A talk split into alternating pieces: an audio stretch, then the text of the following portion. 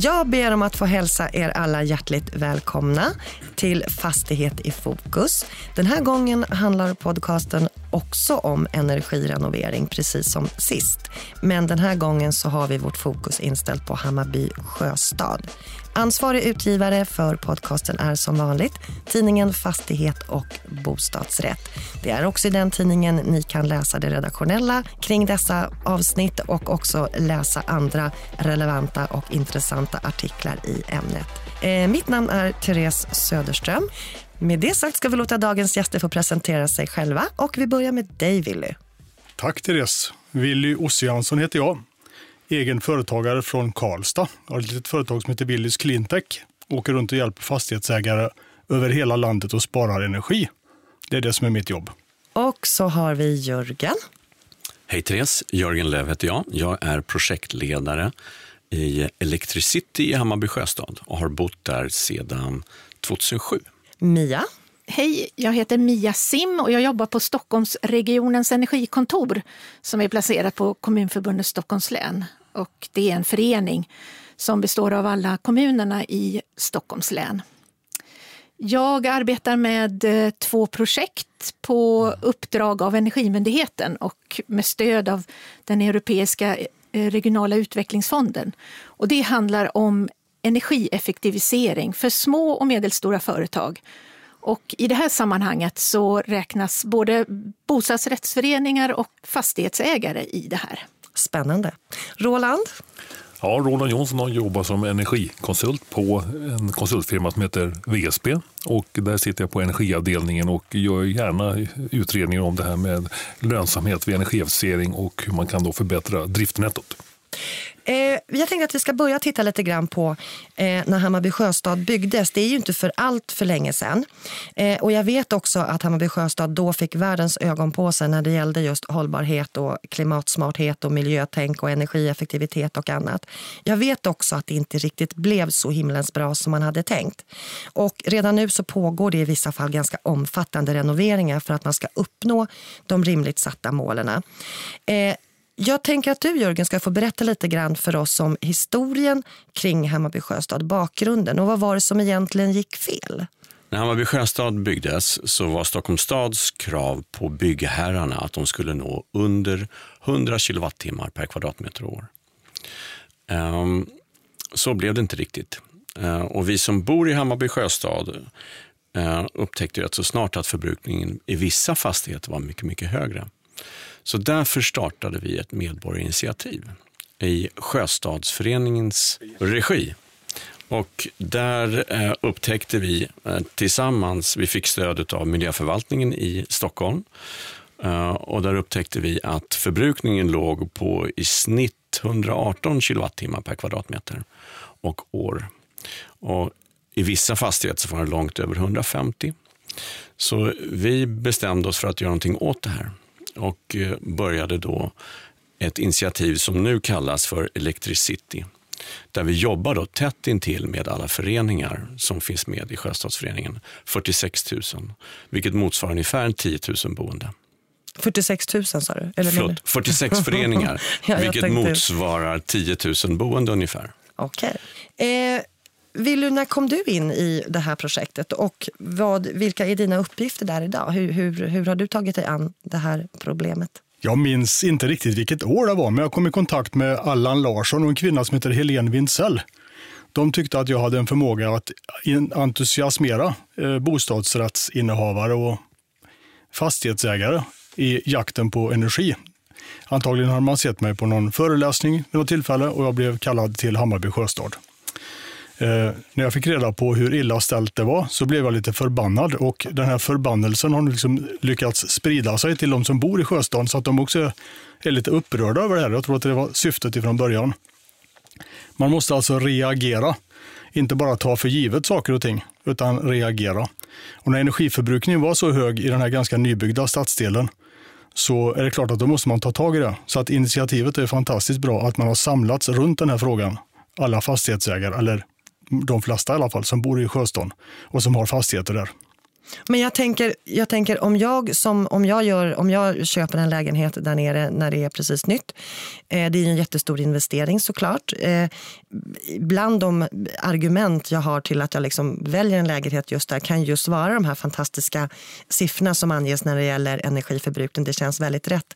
Hur har hur har upplevelsen bland de boende varit? Jag tänker att man skulle känna sig både lurad och förbannad och fått, få en betydligt dyrare månadskostnad än vad man från början hade kalkylerat med. Du har helt rätt i det, Therese. Tidigare var det så att alla mäklare pratade om läget, läget och läget. Det var det som avgjorde fastighetens värde. Idag pratar man om läget, läget och driftsnettot, vilket är ganska intressant. Det vill säga fastigheten ska betraktas som en, en företag, en firma. Och den där firman ska ju gå ganska bra och ju bättre firman går, desto mer värdefullt är företaget. Det, I det här fallet eh, BRFen.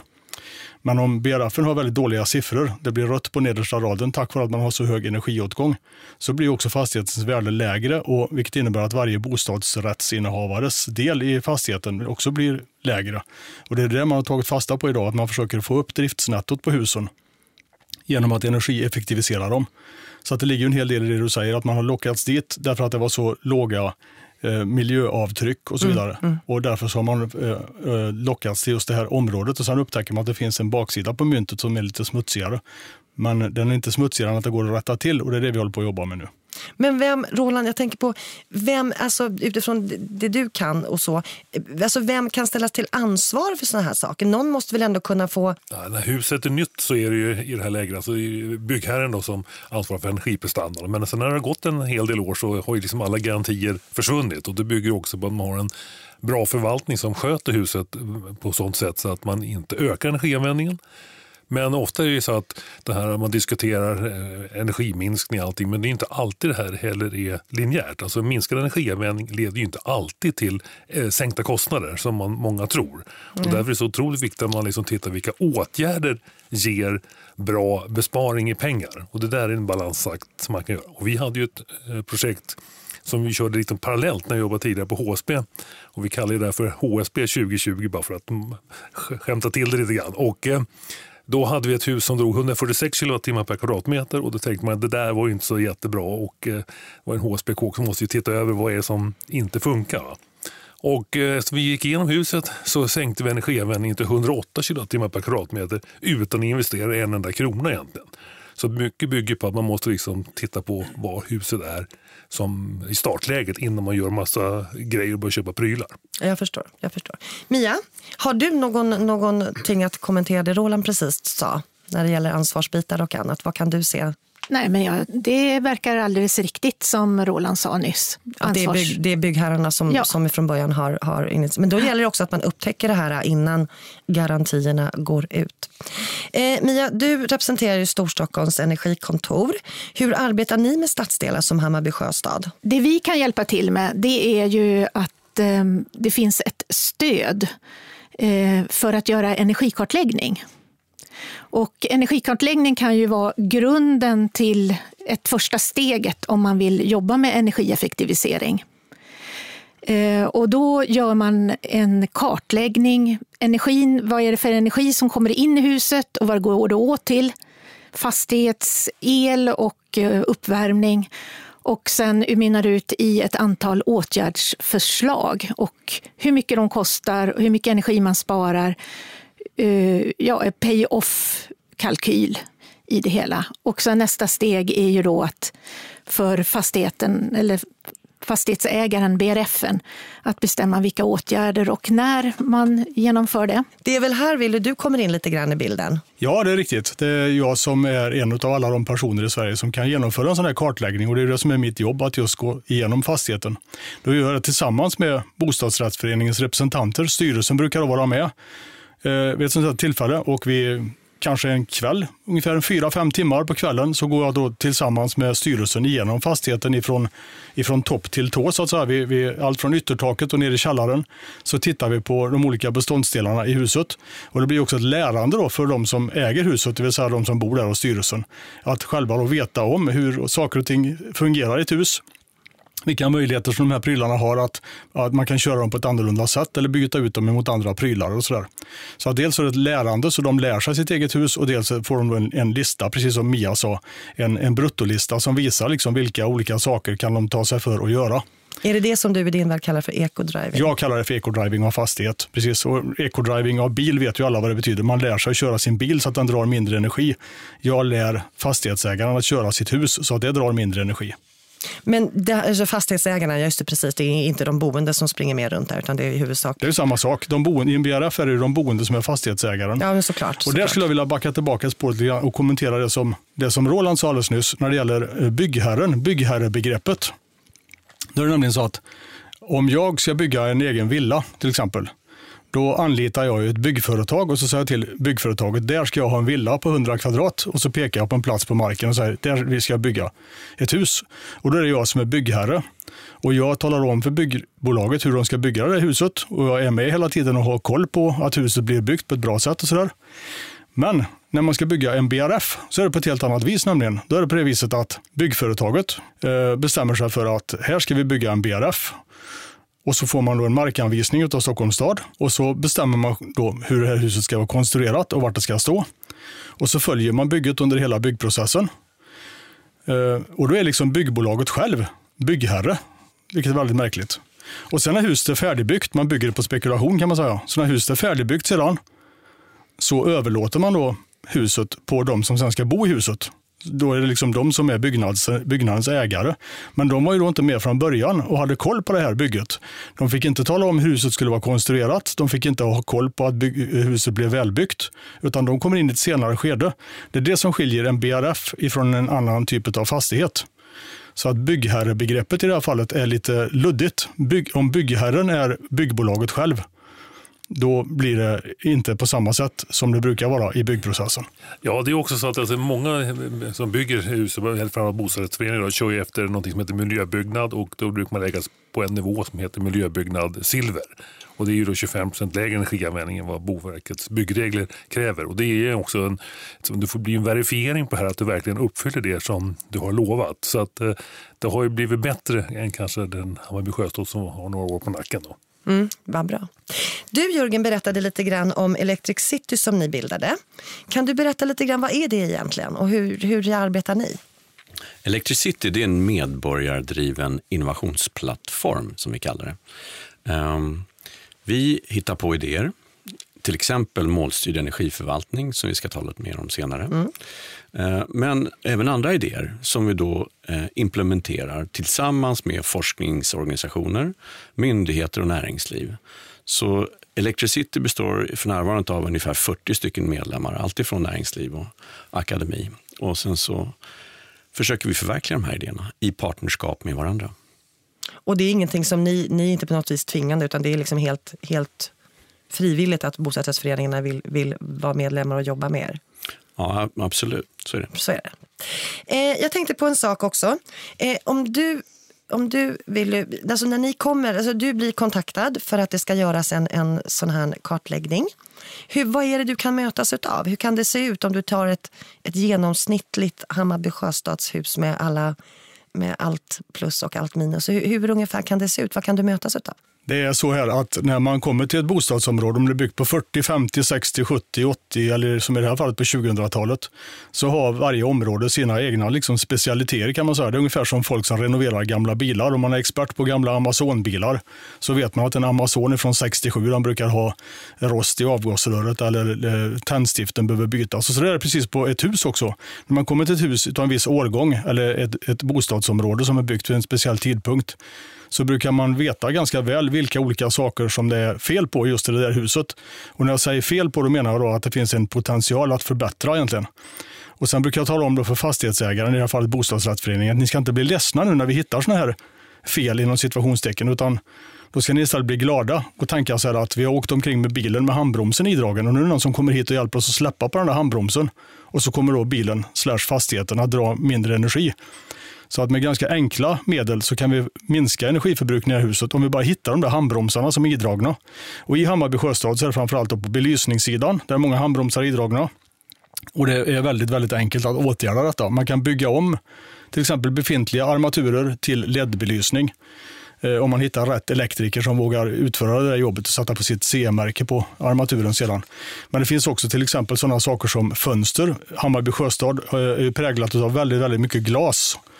Och eh, när det gäller glas, även om man väljer bra fönster, så vet man att fönstret drar ungefär tio gånger mer energi än motsvarande väggyta. Så en kvadratmeter fönster drar lika mycket energi som tio kvadratmeter vägg. Och har man då byggt väldigt mycket glas som man har gjort i Hammarby sjöstad, då kommer fastigheterna att de facto dra väldigt mycket energi. Det där är ju då svårare att åtgärda eftersom att, att byta fönster till energieffektiva idag efteråt skulle bli en väldigt hög kostnad. Eh, 85 procent av husen i Hammarby sjöstad har frånluftsventilation, F-ventilation. Det betyder att man släpper ut värmen rakt ut på taket. Och den värmen man släpper ut där, den räcker ungefär till eh, dubbelt så många lägenheter, att göra tappvarmvatten i dubbelt så många lägenheter. Så kör man ut varm luft på taket med en frånluftsfläkt, utan återvinning så kan man då ta vara på energin i den luften och då, då räcker det till dubbelt så många lägenheter. Roland, du ville replikera här på ja, vad Wille sa. Ja, precis. Det talas ju väldigt mycket om det här med frånluftsvärmen och hur mycket som försvinner ut. Men det är lika mycket energi som rinner ut genom avloppet och där är ju fokusen inte lika stor än idag. Och eh, så kombinerar man det här så kan det bli väldigt intressant och framförallt så är det ju att Avloppsvatten har ju högre temperatur än vad man kan åstadkomma med frånluften om man tar ur en del energi. Så att du kan få en värmepump och i det här läget går väldigt bra om man utnyttjar avloppsenergin. Varför gör man inte det i samma utsträckning? Nej, det har väl inte varit så populärt och sen eh, har det testats lite grann på olika ställen och det har visat sig att det kanske inte har varit riktigt eh, genomtänkta lösningar då. Men vi har haft ett projekt tidigare där vi har kört alltså en teknikupphandling på avloppsvärmeväxlare och eh, förhoppningsvis så får vi möjlighet nu att göra ett projekt till där vi kommer alltså studera det här närmare och så jag tror att det här är en lösning som kommer väldigt starkt. Vi återvinner ju egentligen allt idag. Papper och glas och gammal ventilationsluft. Men avloppsvattnet det rinner bara rakt igenom. Och då undrar man så här, det här är ju liksom på något sätt den vita fläcken vi måste göra någonting åt. Okej. Jörgen? Jo, så här är det. att Jag är inte en energiexpert. Nej. Jag är kommunikatör och har hållit på med det hela mitt mm. vuxna liv. Så när jag då träffade Will för första gången, jag är då energiansvarig i min förening. För ungefär två år sedan så var det för, faktiskt första gången jag var inne i en undercentral och fattade hur det funkade lite mer. När jag varit i 22 föreningar tillsammans med Willy eh, och sprungit runt och jagat förlorad energi kan man säga.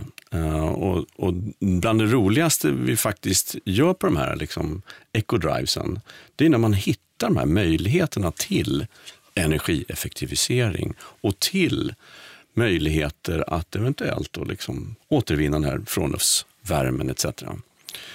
Och det här är väldigt kul alltså, tycker jag. Spännande. Ja, men jag tror vi vill som har sagt det tidigare, liksom, om man går in och ser över kåken, alltså man gör någon form av ekonomitrimning, eller så kan man väl spara ungefär upp till 20% energi bara för att få liksom, grejen att fungera som var tänkt från början. Sen då liksom, när man fått när man säger, nollnivå på huset, liksom, där det, liksom, det, det man har det funkar ihop, då kan man börja energieffektivisera. Så första steget är ju egentligen bara att stoppa slöseriet. Mm, okay. Mia, du ville komma in här också, vad trevligt.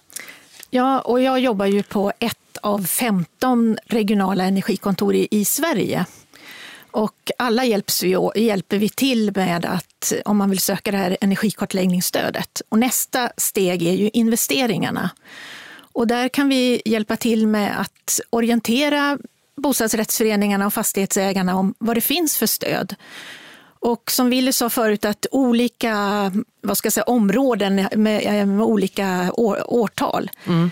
har olika åkommor. Och om man nu är ett sådant område där det är olja, oljeeldning fortfarande kvar, så har man ett gyllene tillfälle nu att söka pengar från Klimatklivet från Naturvårdsverket.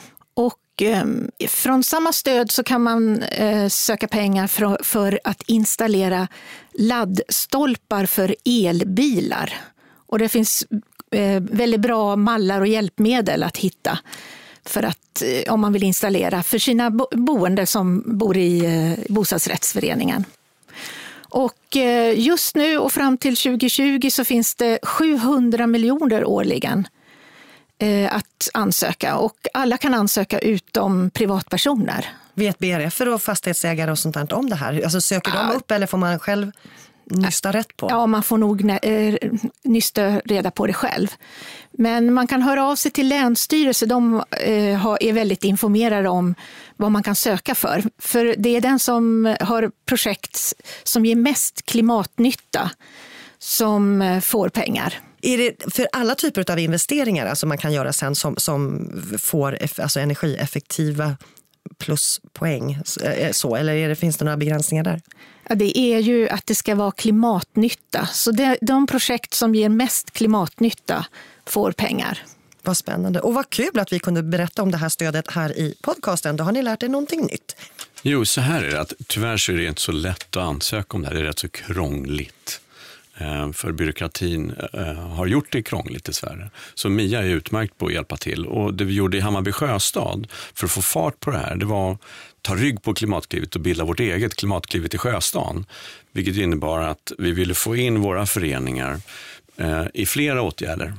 Så förutom att vi då hjälper dem med att ansöka, just det här att för laddplatser, så, så får de en ecodrive och sen så hjälper vi dem att gå in i andra då, eh, vad heter det?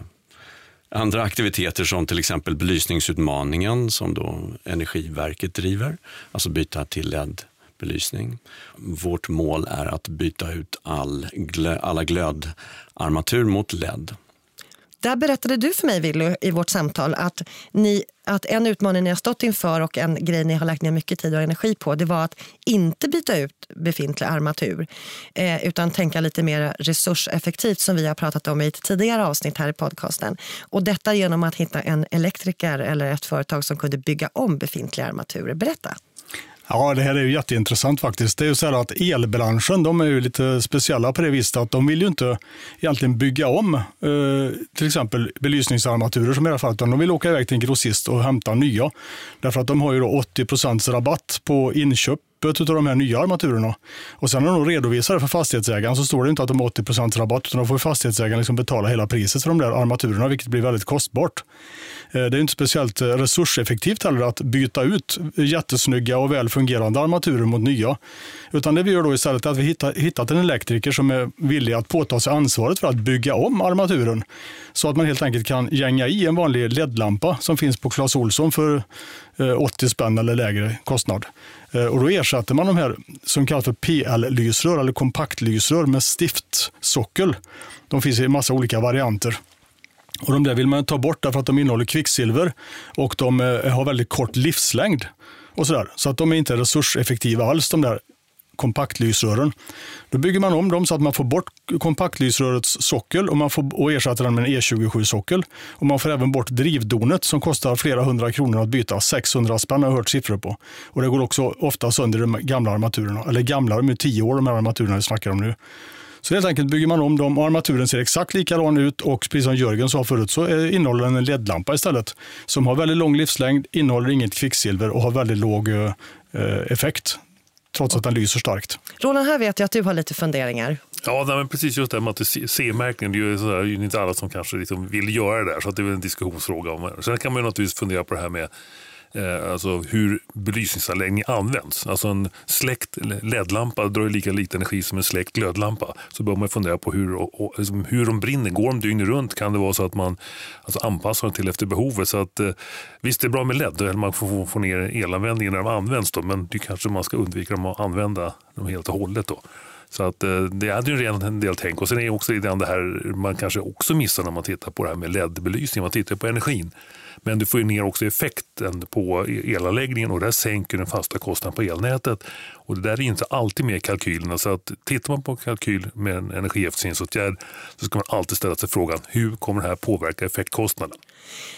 Jag ser att du vill stå och pekar uppåt spottarna i taket här i studion. Berätta lite grann hur du tänker. Den allra sämsta belysningsformen som finns, vi har pratat om glödlampor och så, glödlampor är dåliga, men det finns faktiskt en belysningskälla som är ändå sämre än glödlampor och det är, det är då lågvolts halogenlampor. Och det är väldigt många som köper sådana på Ikea och borrar in i sitt badrum och sådär. Och det är det absolut sämsta man kan ha, alltså lågvolts halogenlampor. Däremot kan man då bygga om dem i sin tur till lågvolts LED-lampor. Det har man gjort här i studion. Så här sitter det LED-lampor i taket och ser likadana ut. Lyser med samma trevliga sken som de här tidigare då, eh, halogenlamporna gjorde och så vidare. Så det är ett sätt som, alltså, det handlar också om att bygga om armaturen, anpassa den till en annan ljuskälla helt enkelt. Så får man ner energiförbrukningen i hög grad. Det har man gjort här i studion. Och då slipper man också köra kylmaskinerna för att kyla luften här inne, som man annars hade fått göra om man hade haft halogenlampor. Så att man, man bränner ljus i bägge ändarna kan man säga. Ja, men ofta om man tänker på de här lågvoltshalogenlamporna, de ger ju rätt mycket värme och det förkortar livslängden på lamporna. Och det innebär att har man de här lågvoltshalogen så är det rätt ofta man får byta dem. Så hos dottern hade en armatur i köket med sex lampor i. Då. Och de var ju, aldrig fungerade någon samtidigt. Allt var någon som var trasig. Och sen när de fyllde år så fick hon sex LED-lampor med. och sen eh, har de ju inte bytt sen dess. Och Nej. Eh, då ser man att det är ju inte så att man bara kanske ska fokusera på den besparing energimässigt man gör. Utan helt, det blir ju enkelt mycket enklare. Man behöver inte bekymra sig om lamporna, de bara funkar ju. Vad, eh, Jörgen, jag tänkte återkomma till dig lite grann. Vad har ni för ambitioner med Sjöstan? Det, det handlar om beteendeförändring. Och det är det vi ytterst liksom, eh, driver i våran, våran strävan att liksom få lägre energianvändning. Alltså, vi, vi driver någonting som eh, vi kallar för energimöten där då vi kallar in föreningarna i Sjöstaden och de får ta Ehm, del av presentationer från väldigt bra bolag som har smarta lösningar på allt ifrån solel till frånrumsvärme etc. etc. Men, men det är det som är det svåraste också, att få dessa liksom privatpersoner som då sitter i styrelser, få dem engagerade. Ehm, så även om de då sitter där på våra möten och liksom entusiastiska så gäller det att de, när de sen då kommer hem till styrelserna, eh, kan, har mandat och liksom har kunskap om hur man ska övertala resten av styrelsen att gå in i, de här, liksom, i det här arbetet med energieffektivisering. Och det är nog det tuffaste. Just det där liksom omvandla de här då, liksom, schyssta tankarna till mm. en kalkyl som gör att då styrelsen går med på att faktiskt investera i. Liksom, det där energi. pratade du om också Mia. Du berättade för mig också att ni hade era, era egna studier och antaganden visade ganska tydligt just att det handlar väldigt mycket om hur man presenterar de här åtgärdsförslagen för de boende och att det gäller att plocka ner det på en nivå som gör det möjligt att ta till sig på ett bra sätt. Ja, det stämmer. Och ehm, eh, ett bra sätt är att försöka få in eh, de här åtgärderna i underhållsplanen. För det har man sett att finns det med i fastighetens underhållsplan så blir det ofta, eh, mer ofta genomfört. För om man tänker att eh, styrelser byts ut hela tiden så åderlåts ju styrelsen på kunskap. Och har ett årsmöte Eh, antagit en underhållsplan så eh, är det större chans att det blir genomfört. Smart tips. Ja, vi kör ett projekt nu i Bebo som är beställare bostäder och det är alltså delfinansierat av Energimyndigheten där vi tittar mer på funktionsstyrd upphandling. Och nu tittar vi på tvättstugor och idag så är det ju ganska mycket diskussion om det här med trummans diameter och varvtal, om det går höger eller vänstervarv och allting. Men för en normalbrukare så är det här helt ointressant och för fastighetsägaren så är man egentligen bara intresserad. Alltså vad kostar en, en ren tvätt? Eller vi brukar skämta ibland och säga att vad kostar bara rena kalsingar? Mm. Eh, och man börjar fundera på liksom att om man kanske ska ändra det här med, med hur man handlar upp det. Köper man LED-lampor eller köper man samma ljus till ett lägre pris? Mm. Och där tror jag man behöver få en svängning. Men den är inte helt lätt att genomföra. Men så att när man tittar på olika grejer, diskutera inte detaljerna, frågan vilket resultat vill vi ha och det är ju då lättare att mäta. Ja, just det. Det blir ty tydligare på alla sätt, mer konkret. Jo, alltså ett sätt att få igång föreningarna det är ju att den här energiansvariga då, som driver de här frågorna i styrelsen, det är att den personen får lite stöd. Och då eh, började vi ett projekt år 2013 i Hammarby sjöstad som vi kallade för målstyrd energiförvaltning.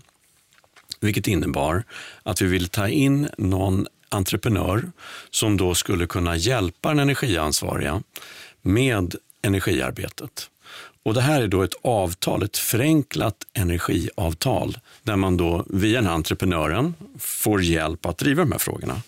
Och för att göra det så måste man först fastställa någon sorts basnivå på hur mycket energi fastigheten drar.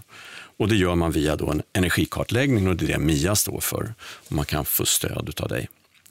Uh, och sen så är det också ett långsiktigt avtal Och det har vi tänkt bara för att det ska kunna leva vidare, även om man byter en styrelse. Så vi har sagt att det ska vara minst fem år långt. Och sen så ett förslag, jag sitter med en styrgrupp, bland annat tillsammans med Roland, där vi håller på att formulera det här avtalet, att det ska vara en delad energibesparingsvinst. Med andra ord att energientreprenören får en del av vinsten och BRF får en del av vinsten. För att det ska finnas ett incitament för den här entreprenören att driva det här. Då. Vad är det för typ av entreprenörföretag som kan vara aktuella här? Konsultföretag? Ja, nej, de, de vi har jobbat med initialt, som finns med i projektet, eh, Riksbyggen. Eh, vi jobbar med en väldigt mycket i Sjöstaden som heter Enstar. Eh, ja, det finns ju flera. HSB skulle ju också kunna vara en till exempel. Enstar berättade du för mig om Willy, lite grann om deras framgångskoncept när det gällde det här med värmepumparna. Ja, det är ju egentligen inte deras koncept, men Enstar är ett sådant företag, en i raden av många företag då, som kan utföra den här typen av jobb. Som handlar om att eh, en bostadsrättsförening säger så här, vi tror att vårt hus är lämpligt för att installera frånluftsvärmepump. Och så går man ut och kollar vilka olika företag kan göra det här jobbet. Då. Det är A, B, C och D, varav Enstar är ett sånt här företag som kan göra det. Och de finns också etablerade i Sjöstaden. Det kan ju vara en anledning att, att de har fått en del jobb där. Då. Eh, de eh, går då till fastigheten och tittar om fastigheten lämpar sig för eh, installation av frånluftsvärmepump och sedan så lämnar man ett anbud till BRFen. brukar handla om i storleksordningen 25 000 per lägenhet. Bara för att man ska ha en uppfattning om hur mycket det kostar att installera en sån frånluftsvärmepump. Sen då kanske BRF antar ett av de här företagen, till exempel Enstar, och så kommer de dit och så genomför de den här operationen då, som innebär att man ska installera frånluftsvärmepumpen. Och eh, det kan vi också lägga ett, ett, eh, faktiskt ett incitamentsavtal med entreprenören om att om inte det här lyckas bra så kommer ni inte få så mycket betalt. Eh, så att man också ställer Alltså det ligger i deras intresse att göra ett så bra jobb som möjligt. Så kan man ju utforma en sån här upphandling om man vill. Och då blir det den här miljöstyrda, eller målstyrda energiförvaltning? Nej, det blir det inte. Utan målstyrd energiförvaltning det, det går ut på att vi tror inte att det är samma person som skottar snö och klipper gräsmattor. Vi tror inte att det är samma person som ska vara nere och ratta i undercentralen på ganska avancerade utrustningar som finns i, i de här fastigheterna. Utan att här, här är en speciell person som är väldigt eh, specialutbildad och kunnig inom just det området. Och där har man också ett, ett, ett incitament att om inte de lyckas med jobbet så får de inte betalt. Men om de lyckas bra så får de ganska bra betalt. Ja, det borde ju vara absolut självklart att man får betalt eftersom utifrån det jobb man faktiskt gör och hur bra man gör det. Mia? Ja, jag tänker på det här med målstyrd energiförvaltning. Det är ju ett pilotprojekt eh, som Energimyndigheten håller i tillsammans med Stockholms stad och Hammarby sjöstad och fler.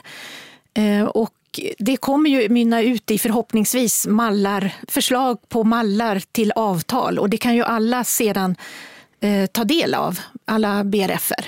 Så det är ju jätteintressant att se vad man kommer fram till där. Ja, verkligen. Roland? Ja, men titta, där, man diskuterade med tvättstugan alldeles nyss och så kom vi in på det här med att köpa frånluftsvärmepump. Då köper mm. du liksom en teknisk lösning. Men det vore nästan bättre att föreningen sa så här, vi vill minska vår energikostnad med 20 procent. Vem gör det här till vilket, det lägsta priset? Sen är ju då upp en, har man en väldigt kunnig entreprenör så gör man ju då kanske åtgärder som eh, man når de här 20 procenten kostnadsreduktion på till ett väldigt attraktivt pris. För annars köper man pryl. Jag vill, ja, jag vill hellre fokusera att man får till ett resultat. Ja, just det. Eh, Willy, eh, när vi talades vid, vilket vi har gjort ganska många gånger, så har du berättat för mig dels om tre stycken orsaker du skulle vilja kategorisera de misstag som har gjorts i, i Hammarby sjöstad där du kan se tre olika fack och kunna sortera de här olika problemen i. Berätta. Exakt, Therese, så är det. Eh, alla hus som jag möter så kan man säga så att de fel eller brister eller möjligheter som vi hittar i de här husen kan man dela in i tre olika kategorier. Och den ena kategorin är då fel som tillkom redan på ritbordet, alltså redan när man konstruerade huset så eh, gjorde man ett misstag helt enkelt som sen har levt vidare. Och ingen har upptäckt det misstaget, utan man byggde in misstaget och så har det levt vidare ända tills någon dyker upp där och upptäcker vad kan det. Vara, vad kan det vara för typ av misstag? Ja, det kan vara en sån sak som att man inte har tagit vara på frånluftsenergin till exempel, utan man har byggt ett hus där frånluftsenergin får gå rätt ut. Mm. Eh, det är ett sånt misstag som tillkom på ritbordet. Det, det, man byggde in ett fel i huset redan ifrån början med berått mod kan man säga. Ja, nej, men det är också så att alltså, tittar man lite på det här alltså, ur ett byggtekniskt perspektiv så är en frånluftsanläggning väldigt enkel. Och så var det ju så att eh, det föreskrevs egentligen i byggreglerna att man skulle ha värmeåtervinning på frånluften. Men då fanns det någon sån här undantagsgrej här att kopplar man in sig på fjärrvärmen då ansåg man som att man återvann det här i fjärrvärmenätet på något sätt. Och därför var det ju helt enkelt så att man satt in det här eh, man säger, med en dålig teknisk lösning bara för att man inte behövde följa byggreglerna om man gick in på fjärrvärme. Så att det här är lite myndighetsstyrt också tycker jag. Det låter ju helt tokigt. Om man nu betraktar fjärrvärmebolagen som en myndighet, men det, det är nästan en myndighet kan man säga. Ja, det är riktigt. Nummer två. Nummer två, då är det så här att man har faktiskt ritat huset på ett ganska bra vis. Men eh, man bestämde sig på byggarbetsplatsen från att vi, vi gör avsteg från de här ritningarna helt enkelt. Vi, vi bygger huset lite på ett annat sätt. Lite grann som vi mycket, tycker så. Som är mycket enklare. Så här. Eh, och det, det kan vara dels eh, helt enkelt byggfusk kan man kalla det för. Eller kan man kalla det för att vi, vi gjorde ett annat medvetet val. Det dök upp en säljare av någon annan typ av isolering som dök upp här på byggarbetsplatsen mitt under brinnande bygge liksom, och föreslog att varför sätter ni inte in den här isoleringen istället? Den är mycket billigare. Och så tog man ett beslut om att göra det på byggarbetsplatsen. Så här. Hej och hå. Kreativt, ja. Ja, så det är nummer två. Eh, nummer tre då, det är då fel som har uppkommit under tiden som vi har förvaltat det här huset. Och återigen till den här handbromsen. Vi har köpt ett, en bil som är rätt konstruerad och den blev också byggd så som den var konstruerad. Men vi har dragit i handbromsen och så åker vi omkring med den idragen. Och då är det ett förvaltningsfel, alltså ett fel som har då uppkommit under tiden som vi har ägt och förvaltat huset. Vad kan det Och vara till exempel? det är oftast okunskap helt enkelt. Det kan vara till exempel att säga att man har elvärme i stuprören har det visat sig i Hammarby sjöstad. Där det är ofantligt mycket. Jag brukar kalla dem för elvärme utomhus bara för att folk ska bli förbannade. Så elvärme utomhus, då brukar folk reagera. Vad har vi det liksom? Ja, det har ni massor av här. Och dessutom står den på mitt i sommaren för att det är någon som har slagit om den här knappen. Det står automatik och hand. Och det betyder att om den står på automatik, då finns det en termostat som stänger av och på. Och står den på läge hand, då går den hela tiden. En sån här provkörningsläge. Och nu står den på det läget och ingen märker det, för det låter ingenting och det syns ingenting och det märks inte att den där är i drift. Och då kan det vara BRFens enskilt största utgift, alla kategorier, att man har elvärme utomhus. Vi har hittat två sådana BRF i Hammarby sjöstad. Man bränner ofantliga mängder med energi i eluppvärmda trottoarer för att slippa skotta snö inne på gården. Och den hade man då för säkerhets skull påslagen året om. Du berättade också om, om, om garage som är ganska hemska, ganska skrämmande lösningar i. I garagen har man då byggt in eh, kategori 1, då, ett- ett fel redan från början. Det så att om en bil eh, på vintern stannar ute på gatan och så droppar snön av och rinner ut i dagvattnet så är det ganska okej. Men om samma bil kör ner med samma snö och ställer sig i ett garage och så droppar samma snö av i garagegolvet eller på garagegolvet och bildas vatten. Då ska det här vattnet då som bildas betraktas som miljöfarligt avfall. Så att då får man inte köra ut det i dagvattnet som ju sen rinner ut i någon närbelägen sjö. Utan då ska det samla sig på garagegolvet. Och hur ska man då bli utav med vattnet? Jo, man, man har en jätte, jättestor fläkt som ventilerar garaget jättemycket och så värmer man. Så man värmer och ventilerar tills dess att allt vattnet har avdunstat i garaget. Och det kostar enorma mängder energi. Man ångar bort alltså. Man ångar bort eh, vattnet som ligger på golvet och det gör man i alla garage i Hammarby sjöstad. Det är fullständigt vansinnigt. Man har sett det även på andra ställen i Stockholm i hus som är byggda vid den här tiden. Det man skulle ha gjort istället, man skulle naturligtvis haft en brunn dit vattnet samlades och så fanns det en liten pump i brunnen och pumpen startar när det blir nivå i brunnen och pumpar ut vattnet i dagvattnet. Men om det då skulle följa med olja till exempel ner i den där brunnen, då finns det en givare som blockerar pumpen. Svårare än så är det inte. Och då hade man sparat väldigt, väldigt mycket energi på det. Jörgen, Ja, det här är ett exempel på galenskaper. Eh, Men då funkar det så i vår, i vår eh, i Sjöstadsföreningen att vi delar med oss av erfarenheter. Och nu är det någon som har uppmärksammat att man kan faktiskt ha en apparat som kommer att suga upp det här vattnet istället. Så då försöker vi att dela den kunskapen så att alla går in på den lösningen istället för förångning av snö. Mia? Ja, jag tänker på Hammarby sjöstad. Ehm, det är, kommer fram massa goda exempel från Hammarby sjöstad. Och de, det sprudlar av, av engagemang och goda idéer.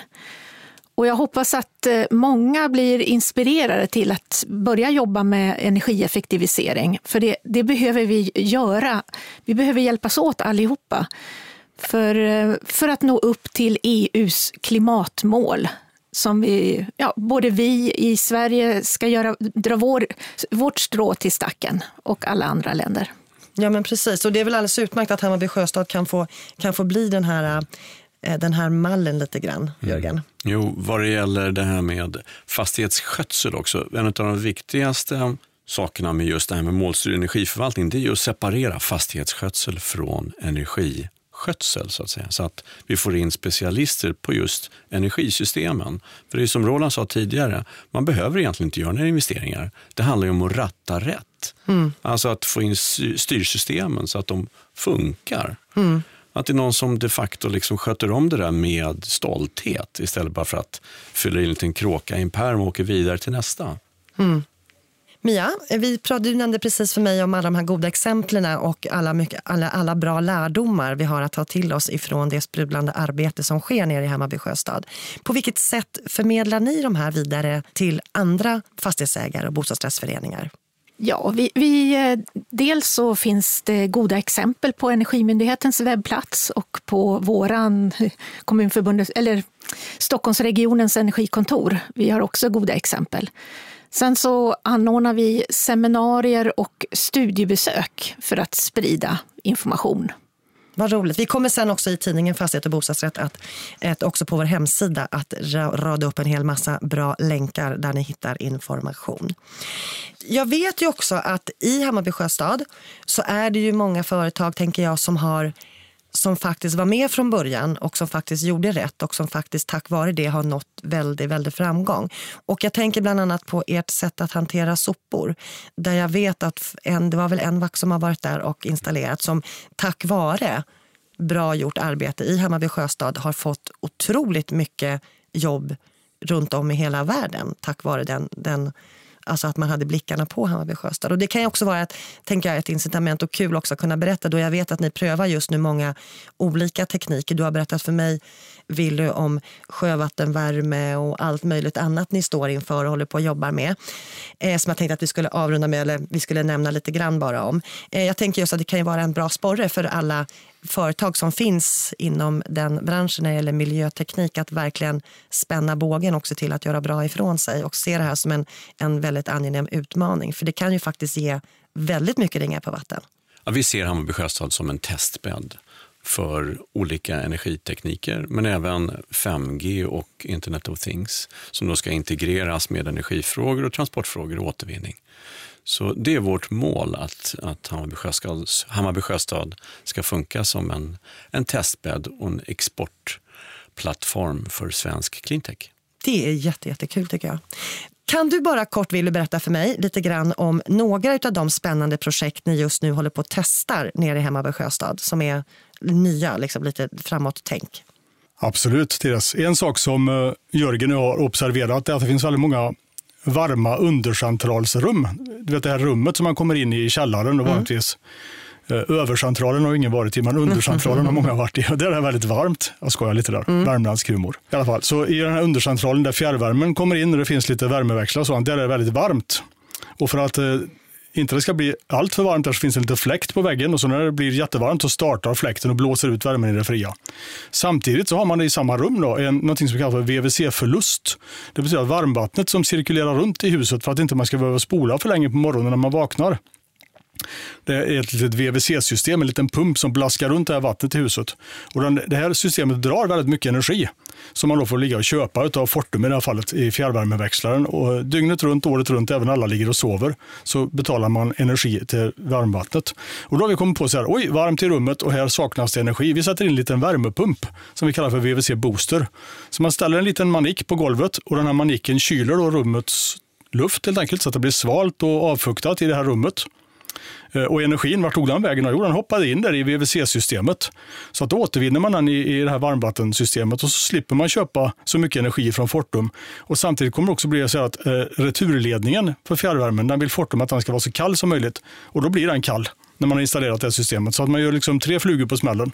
Det blir svalt i rummet och avfuktat samtidigt som man slipper köpa så mycket energi. Samtidigt som då Fortum blir jätteglada för att deras returledning blir kall och det har vi nu installerat ett sådant system som håller på att utvärderas i Hammarby sjöstad. Spännande. Roland? Ja, men vi gjorde en sån förstudie med varmvattencirkulationen eh, och med hjälp av Fortum så gick vi in och tittade på 540 hus i Stockholm som bara var bostäder. Mm. Och räknar man om det här alltså, så fick det då ungefär 17 kilowattimmar per kvadratmeter var ju de här förlusterna, inklusive förlusterna från värmeväxlarna. Så tittar man på husen i Hammarby sjöstad så är det här alltså över 10 procent av husets energianvändning snurrar man bort i källan. Liksom. Mm, mm. Galet. Sjövärme, Jörgen, kan du berätta lite grann om sjövärmeprojektet? Ja, Eftersom vi har en hel del vatten i Hammarby sjöstad så tänkte vi använda det på något smart sätt. Och eh, traditionellt så har man gjort sjövärme med långa, långa slangar som man drar ner i vattnet. Och, ut, och via bränervätska så drar man in det kalla vattnet och omvandlar det till värme. Och nu har ett företag uppe i Vilhelmina kommit på en smartare system med kollektorer, kollektorer som det kallas. En sorts radiatorer som man sätter i en box och får ner i vattnet för att då kunna hämta eh, kylan på ett mycket, mycket mindre område. Och det ska vi nu installera i Hammarby sjöstad. Man, vi har en förväntad energi eh, vad heter det? Sänkning Tanken är att vi ska sänka energiförbrukning med, med 70 procent ungefär tack vare dessa sjökollektorer. Fantastiskt. Det är verkligen wow. Du, det här bilprojektet, elbilsprojektet som du refererade till i Holland, det lät ju också väldigt spännande och inte helt omöjligt. Ja, I Utrecht i Holland så har man då ett projekt där man tänkte sig att fånga sol med solceller, föra ner det till elbilar som står parkerade och använda bilarnas batteri som en resurs till fastighetselen. Alltså vehicle to grid som det så vackert kallas. Eller to house, förlåt. Vehicle to house heter det. Vad är det som ladda, lagra, vad kallar du det för? Länka, ladda, nej vad var det nu då? Länka, Länka, lagra, ladda, så var det. Så var det. Ja, ett litet projekt som vi driver. Och det är också ett, ett svenskt företag som tittar på det här tillsammans med er. Som, Japp, ett företag som heter Ferroam som är då är specialister på att utjämna effekterna och så, på så sätt kapa effekttoppar och spara pengar. vad intressant. Med detta tänkte jag att vi skulle ta och avrunda det här lite grann, det här programmet. Och jag tänkte att vi skulle göra det genom att gå varvet runt och prata lite grann bara om kort vad vi tror är rimligt att ha för ambitioner när det nu gäller Hammarby sjöstad. Vi kan väl säga ändå att sjöstaden har fått en väl värd andra chans att faktiskt visa sina framfötter. Eh, och vi kan väl också vara lite överens om att Hammarby sjöstad inte var riktigt hundra som det från början var tänkt och man hade hoppats på. Mia, vad tänker du? Hur, hur, vad tror du är, är, vad kan du se för möjligheter med sjöstaden och hur, hur, hur kommer det att vara där om ett antal år? Ja, under hundra lär de ju komma, tänker jag. Vad jag förstår så är de, de föreningar som är med i Sjöstadsföreningen idag eh, tillsammans kommit ner till 117 kilowattimmar per kvadratmeter och år. Men det jag tänker det är att eh, de människorna som bor i, jag hoppas, de människorna som bor i Hammarby sjöstad, att de blir medvetandegjorda, blir engagerade i energi, energifrågan och miljöfrågan i allmänhet. Och på det sättet man driver den här föreningen och, så möjliggör man ett, ett sånt levande. Att det är lätt att göra rätt. Jag menar spårvagnen går in i, i, rakt in i eh, bostadsområdet med tanke på transporter och, och i husen drivs på ett sånt sätt så att det är lätt att göra rätt för de som bor där. Härligt. Roland, Ja, men det är intressant just det med att man får folk engagerade. Det är egentligen en bra början. Bara nog det kan vara svårt. Men det jag tror är viktigt i det här fallet är att man liksom fokuserar då på att man håller ner kostnaderna för liksom el, vatten och fjärrvärme. Och på så sätt gör man ju husen framtidssäkra. Jörgen, du som faktiskt bor där, som både sitter med i Electric City och som är boende sedan många år tillbaka. Mm, ja, men jag drivs av min klimatångest, faktiskt varje dag. Eh, och därför gillar jag att jobba det här initiativet Electricity. Vårt mål är att år 2020 ligga under 100, men jag tror att vi kommer att ligga lägre. För det är ju så, när man, när man har fått igång en förening så vill de ju inte sluta, för då fattar de ju att det här finns det stora besparingar att göra. Vi har en förening som gick in med frånluftsvärmepump och energieffektiviserade och sänkte fjärrvärmekostnaderna med över 500 000 per år. Och Det är ju en jätte jättebra morot för alla andra föreningar förstås. För det är där den stora kostnaden ligger, driftskostnaden, som ligger på ungefär 90 procent av en fastighetskostnad sett under dess livslängd. Jo, men det blir väl lite grann det Mia var inne på just också förut. Kan tänka mig att det gäller att man paketerar det här på ett intressant sätt. Och som vanligt så är det lite grann att money talks på slut. Absolut, men, men att de då, vi har ju föreningar som har legat på uppåt en 150 eh, i förbrukning och nu så siktar de på faktiskt att bli liksom plusenergihus. Och det är ju fullt möjligt. Gud vad härligt. Och Wille, hur ska du jobba vidare med det här nu då? Man kan väl säga så att olika människor appelleras till olika saker och ting här i livet. En del appelleras av pengar som då är money talks, men väldigt många som Jörgen appelleras av, alltså man skiter i vad det kostar egentligen. Jag har kört elbil i 15 år och haft vindkraftverk för all min elproduktion hemma i 15 år och folk frågar om det är lönsamt. Jag säger det vet jag inte, jag har inte räknat på det. Jag har ingen aning om ifall det är lönsamt, det är det säkert inte. Men däremot så, så vill jag sätta mindre avtryck i miljön för mina barn och barnbarns skull. Det är det viktigaste för min del. Och så är det i Hammarby sjöstad. Det bor mängder med människor där. Man ska inte liksom förringa den här eh, drivkraften som ligger i att folk vill vara miljövänliga. Det är så det ligger till. Och väldigt många är välbeställda som bor i sjöstaden och de bryr sig inte så mycket om vad det kostar. De vill ha solceller på taket, de vill ha ett hus som drar väldigt lite energi. Eh, skit i vad det kostar. Så resonerar många. Så det är väldigt viktigt att komma ihåg det faktiskt. Och när det gäller energiförbrukning i sjöstaden, att passera 100 och mycket, mycket lägre än så, det är inga som helst problem. Det är mycket, mycket enkelt. Släck lamporna och stäng av elvärmen utomhus, så är man nästan där redan. Och sen kan vi gå vidare med olika saker. Vi kan köpa till olika saker för att göra husen bättre. Jag var besökte en förening igår i Gröndal som jag träffade tack vare att jag var en förening som var på ett seminarium som du, Mia, arrangerade där de träffade mig och så fick jag komma dit till dem igår. De förbrukade 64 kilowattimmar och de ville absolut att jag skulle komma dit och titta varför de drar så mycket energi. Mm. Så där var jag igår, gick igenom deras hus och vi hittade massor med olika saker och ting i det huset också. Så att det går att komma hur långt ner som helst och man kan faktiskt passera förbi noll och låta huset till och med generera el beroende på hur långt man vill gå i den här strävan. Men tekniken finns och det är bara liksom att se till så att det blir gjort. Det är inga rocket science på något sätt det här. Det var ljuvliga och förtröstansfulla och härliga energifyllda slutord tycker jag. Med detta tackar jag dagens gäster. Det var jätte, jätteintressant att ha er här och det var ett jättespännande samtal som verkligen väcker nyfikenhet, tankar och funderingar. Eh, I tidningen Fastighet och bostadsrätt kommer vi lyfta in det här redaktionellt och där välkomnar vi våra lyssnare att läsa mer. Här kommer ni också att kunna ta del av kontaktuppgifter till de medverkande om ni vill ställa ytterligare frågor. Eh, varför inte boka in en ecodriving eller ta tag i er egen klimatångest genast. Det var allt för mig för idag och vi hörs om ett par veckor igen. Ha det gott så länge.